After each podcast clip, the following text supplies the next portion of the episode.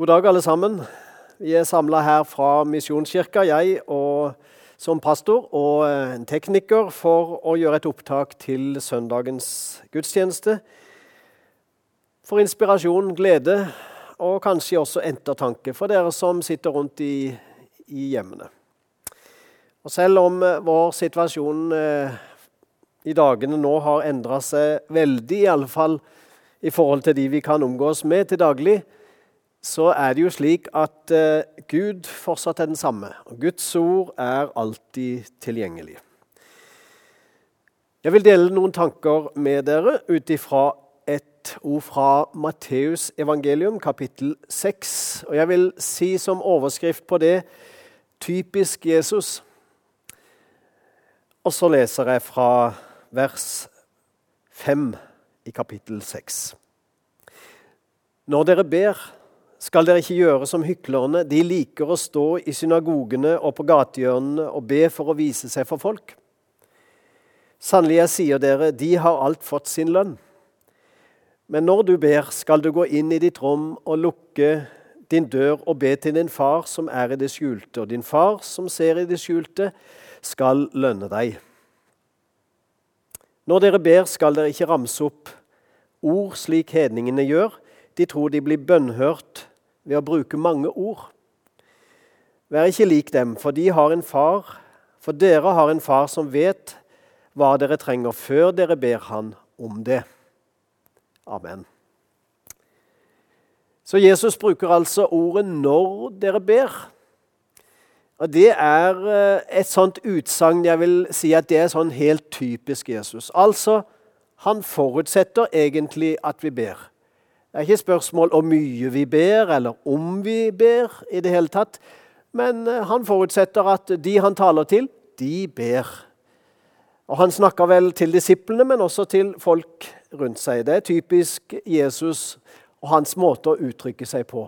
Når dere gjør deler, når det skjer, så Og så kommer han med noe viktig. Og Her sier han noe altså om det som har med bønn å gjøre. Når vi ber en helt naturlig sak, står det. Jesus forutsetter altså at de som hører han, de ber. Kanskje daglig, kanskje flere ganger om dagen, eller i hvert fall jevnlig i livet. For noen år siden ble det gjennomført en undersøkelse i Norge som sa noe om hvor mye folk ber i det hele tatt. Og Da viser det seg faktisk at opp mot 50 av befolkningen en eller annen gang, jevnlig eller ofte, ber til Gud. Det er jo en tankevekkende eh, ting å, å, reflektere litt over. Så mange ber, altså.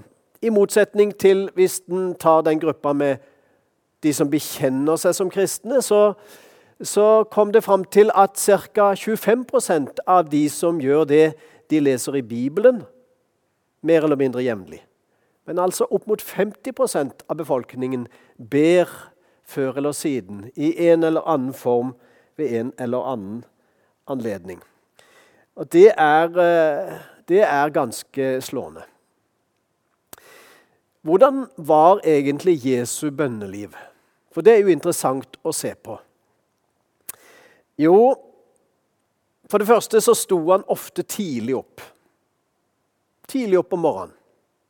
Det var vel kanskje en grunn til det. Han, eh, det var da han kunne ha ro og fred, og det var da ingen andre var rundt han på alle kanter, sånn som gjennom en lang dag ellers. Så han begynte tidlig om morgenen. Av og til gikk han opp i fjellet for å be, står det. Det står det flere ganger om. Ehm, der var han ekstra i ro. Da kunne han kanskje være spesielt for seg sjøl.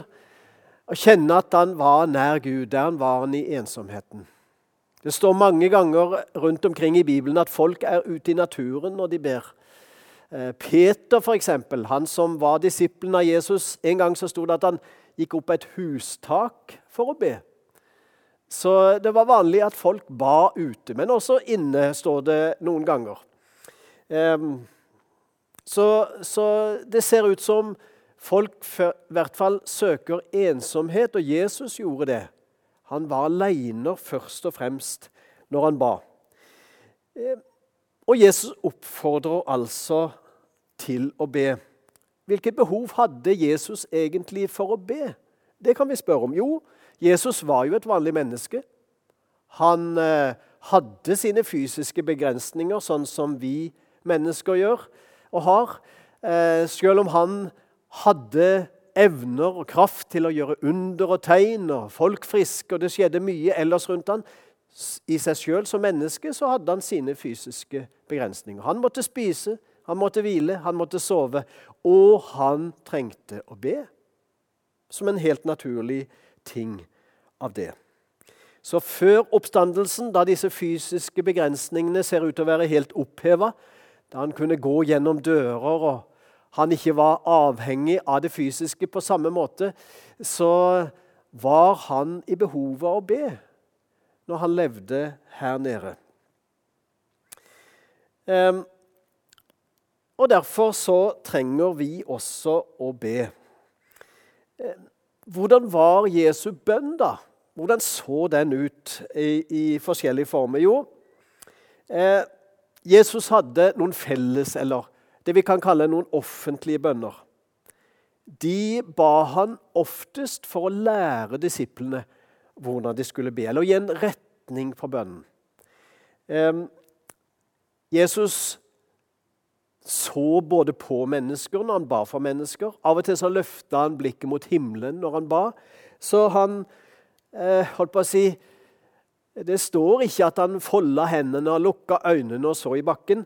Eh, kanskje vi har lagt oss til en kultur rundt det, hvordan vi skal be, eller oppføre oss når vi skal be, eller tenke spesielt når vi skal be. Men, men Jesus han eh, ser ut til å ha øynene åpne hele tida når han ber. Eh, og han så gjerne på mennesker som han ba for. Og Når han ba til Gud i himmelen, så løfta han eh, øynene mot himmelen, står det. Eh, det er flott å se forskjellige måter å, å tenke på når en ber. Jesus var i hvert fall fullt til stede, og det er kanskje det viktige. Han var til stede der og da når han ba. Det så ikke ut som han eh, var distrahert eller tenkte på alle andre ting, som vi ofte kan bli. Og Dermed må vi kanskje ha litt hjelp av og til for å være til stede. Jeg tenker av og til at det er godt å bruke litt tid på å roe seg når en skal be, slik at tankene får lande, pulsen går litt ned, eh, og vi kan puste rolig og kjenne at vi er i en litt mer likevekt når vi ber. Da har vi lettere kanskje for å konsentrere oss og være til stede. Kanskje det fysiske rundt oss også byr på eh, stress. Da er det viktig å finne et sted eller et rolig form og rolige omgivelser som bidrar til at vi kan fokusere. At vi kan eh, konsentrere oss, være til stede i alle fall der vi ber. Og så er vi mennesker. Ikke alltid lett å holde konsentrasjonen lenge. Og I denne verden vi lever i, så er det så mange impulser at det skal litt til å finne et rolig sted. Um, også hjemme, kanskje.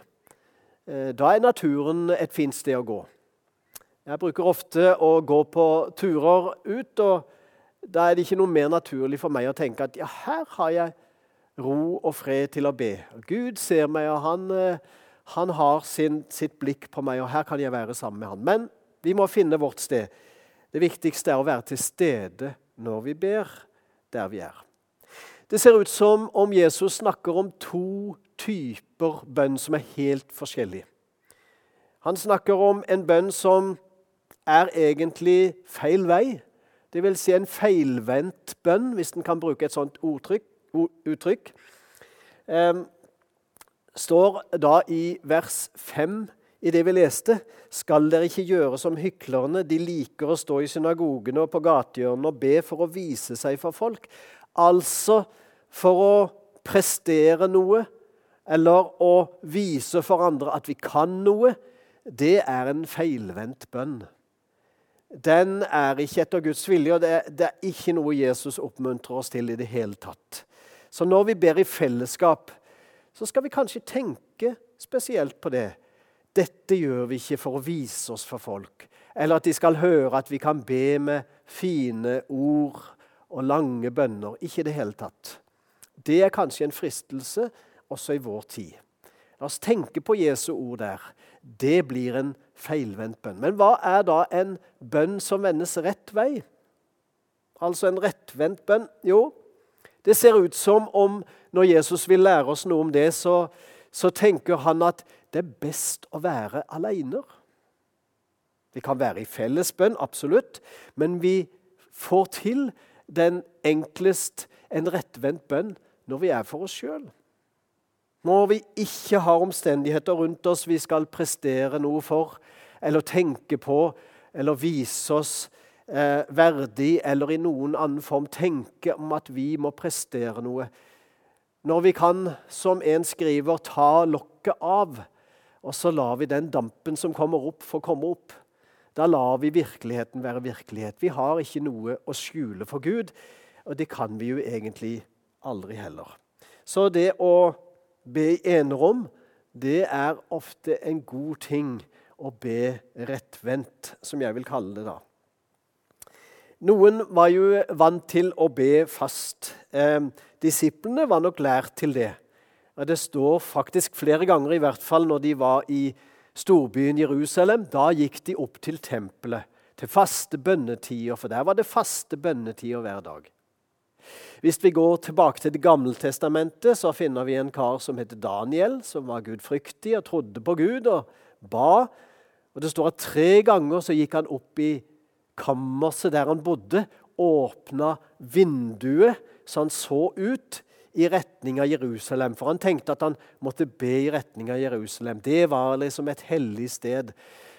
Der i sin ensomhet og for seg sjøl så ba Daniel, står det, tre ganger om dagen.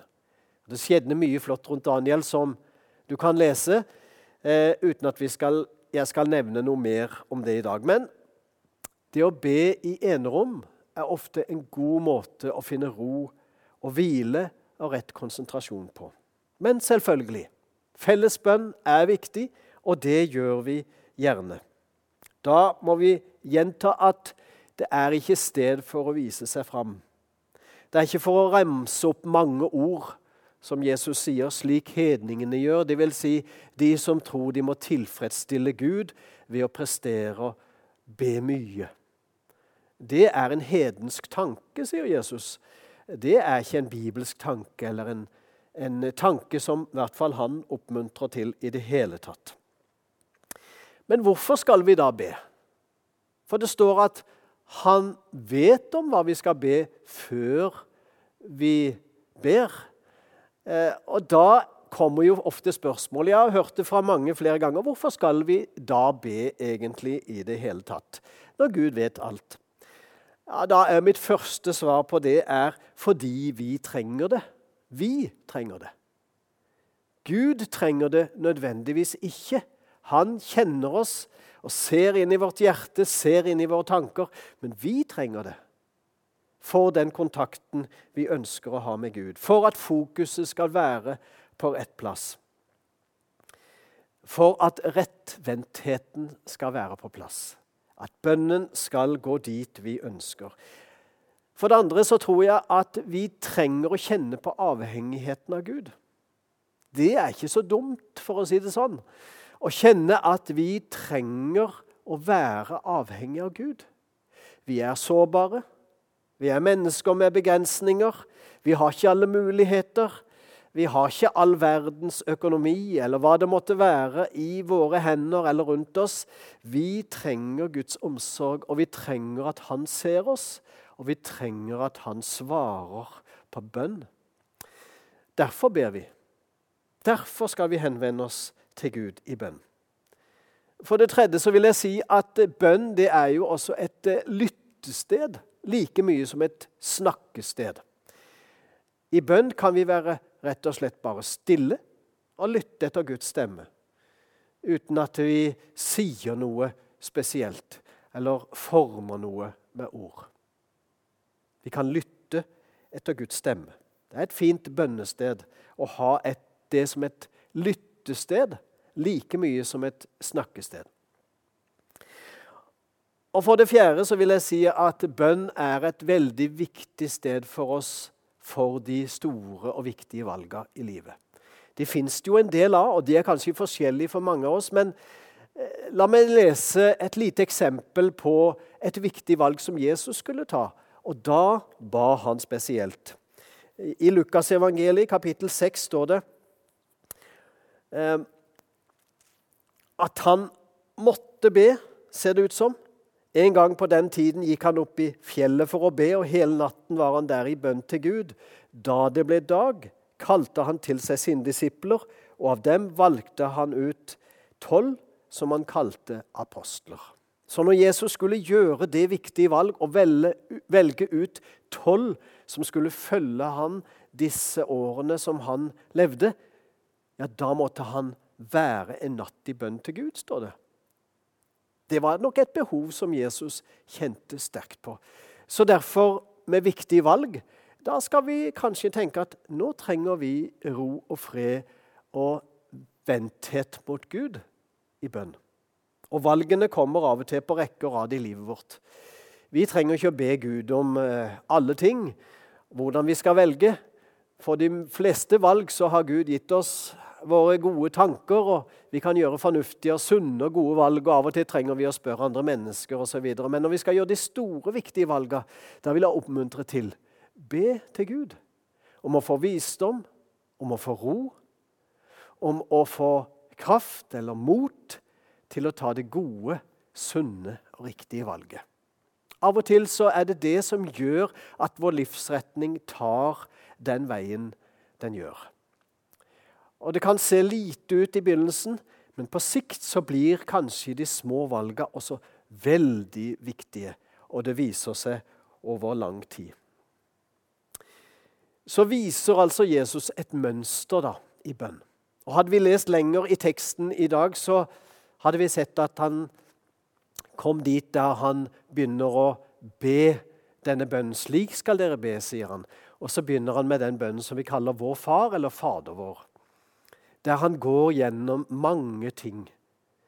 Og Den som læres og leses i så mange kirker, i, og også enkeltvis over hele verden Det er jo ikke bare den bønnen vi skal be når vi er sammen, selvfølgelig ikke. Men jeg tror den viser oss et mønster for bønn. Fader vår, det er fellesskapets bønn.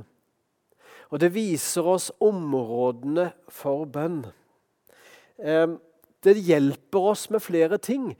Jeg vil nevne noen her. Den hjelper oss å fokusere tydelig på Gud. Du som er i himmelen. Her er det et tydelig fokus. Hvem ber vi til? Jo, til Han som er i himmelen. Så det starter der, og det ender der hvis vi ser på Fader vår. Den avslutter også hos Gud. Eh, for det andre så er det noe med våre behov i livet som kommer fram. Gi oss i dag vårt daglige brød, er en tydelig bønn. Og det er jo tydelig uttrykk for våre behov. At vi ber Gud om å hjelpe oss med våre behov.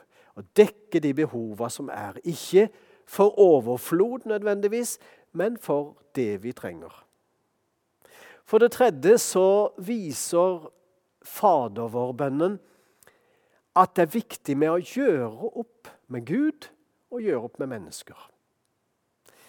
Eh, I eh, tidligere tidligere, eller litt i gamle dager så brukte vi ordet 'å gjøre opp sin sak'.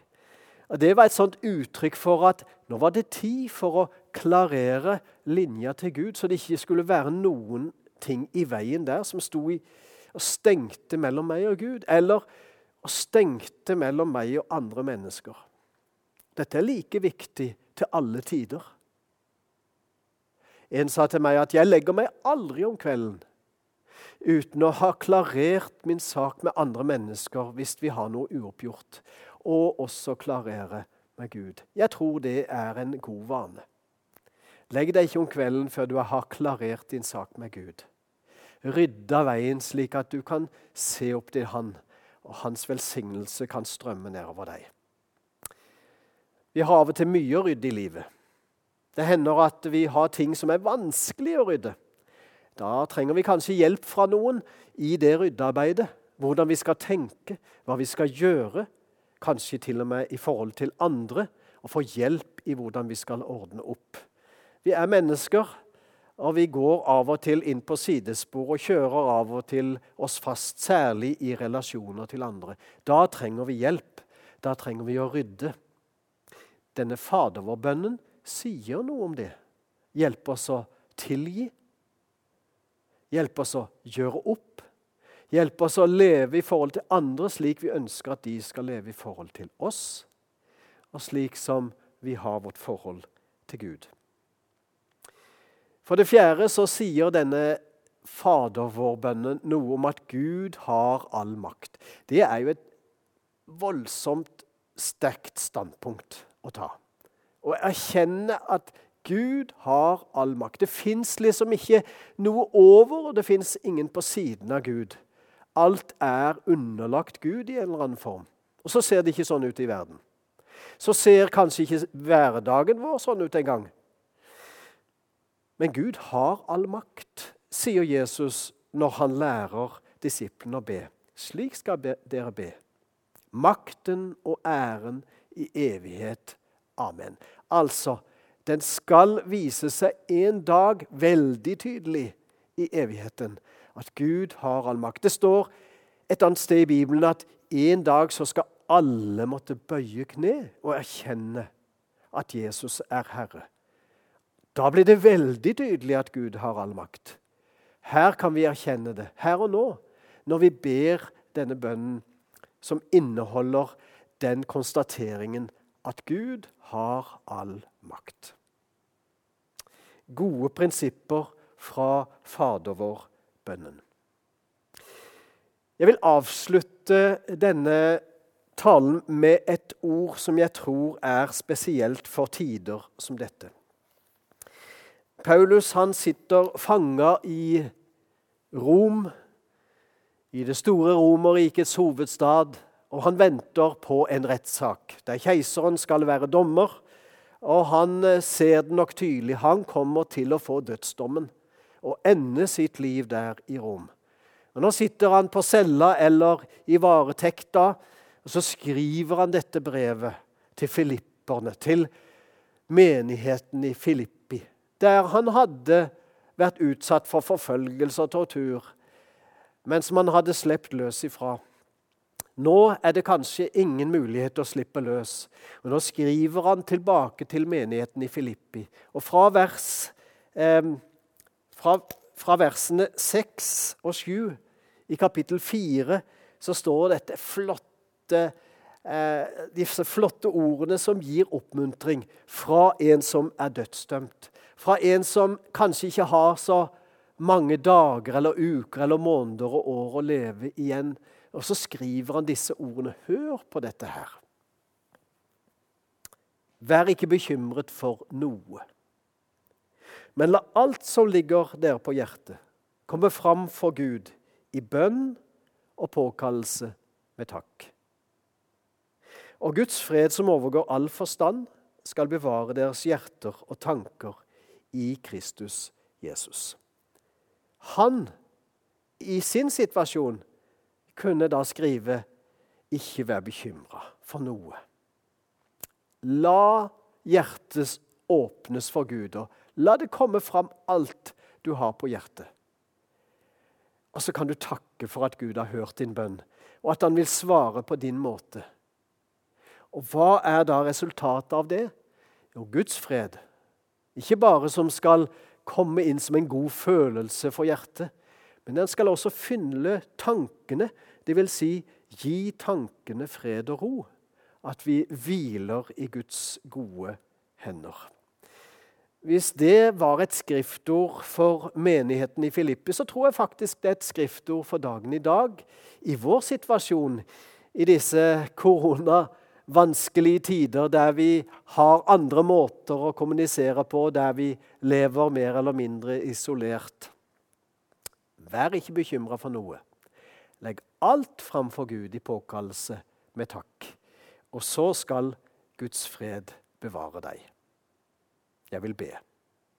Herre, takk for dagen. Og takk for muligheten til å lese ditt ord. Det hindrer ingen oss. Takk for muligheten til å lese om bønn og praktisere bønn og gi seg hen i bønn, leve i bønn. Takk for muligheten til å vende vårt ansikt mot deg og mot hverandre, slik at vi kan være til stede når vi ber. Være til stede der du er, for du er her, midt iblant oss, med din kraft, med din ånd, med ditt ord og med din fred. Amen. Helt til slutt så vil jeg lyse Guds velsignelse over dere der dere er, på deres sted. Må sove Herren Jesu Kristi nåde, Gud vår Fars kjærlighet og Den hellige ånds samfunn være med oss alle. Amen.